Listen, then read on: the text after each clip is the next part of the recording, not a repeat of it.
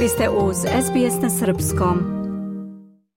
Kratkovidost kod ljudi često može da bude nasledna i da se u porodicama prenosi kroz generacije.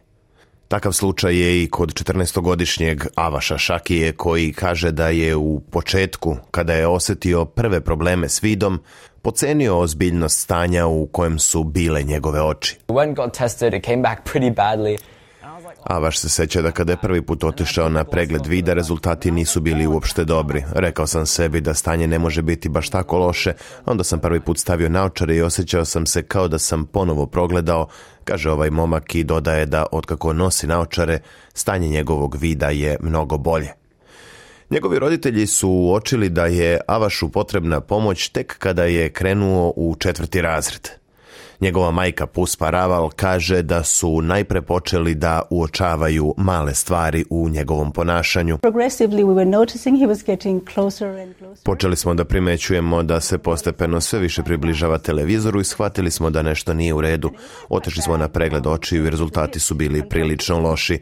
To nije bila baš jednostavna situacija za sve nas a vaš je upućen na institut Lavlje Oko u Pertu, koji je u to vreme intenzivno proučavao kratkovidost kod dece i mladih odraslih osoba. Viši naučni saradnik Samantha Lee kaže da je bilo i dosta drugih mladih ljudi sličnih godina koji se suočavaju s problemima poput Avašovih.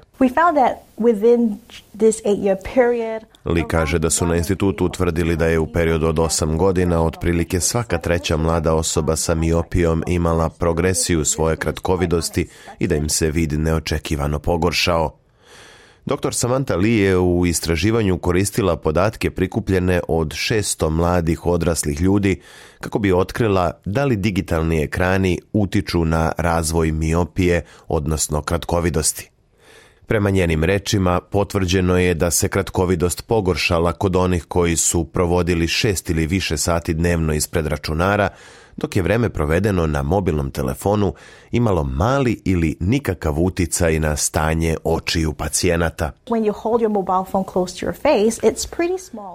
Ekran mobilnog telefona je mali kada ga držite blizu lica, sve drugo kod telefona je daleko. Dakle, mozak registruje da je većina stvari oko vas udaljena i govori očima da nema potrebe za kratkovidošću. Stručnjaci kažu da što više vremena provedenog na polju može značajno da pomogne barem u odlaganju početka miopije, posebno u ranom životnom dobu. Kod starijih koji moraju da rade i provode vreme u zatvorenom prostoru i ispred ekrana, od pomoći će biti da za vreme pauze izađu napolje i gledaju u daljinu ili čak da iznesu svoj laptop negde gde je prirodna svetlost i da neko vreme rade u tim uslovima. Dipak je otac dečaka Avaša i on kaže da sada naročito obraćaju više pažnje na vreme koje njihov sin provodi ispred računara ali kako objašnjava, to postaje sve teže u dobu kada je upotreba tehnologije postala uobičajena u svakodnevnom životu ljudi, pa čak i od najmlađeg uzrasta. Ono što uh, treba da uradimo je da budemo još oprezni jer deca koriste kompjuterske ekrane i za učenje i za igrice i za sve ostalo. Moramo se potruditi da vreme koje oni provode pred ekranima bude ograničeno, kaže Dipak.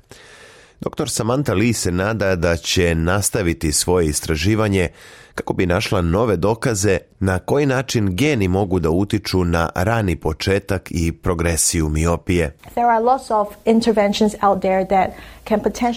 Postoji mnogo intervencija koje potencijalno mogu usporiti napredovanje kratkovidosti, kao što su atropin kapi za oči i defokusna kontaktna sočiva, kaže dr. Lee.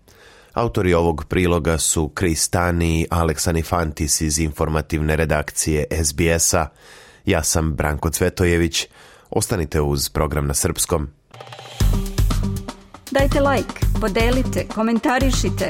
Pratite SBS Serbian Facebook profil.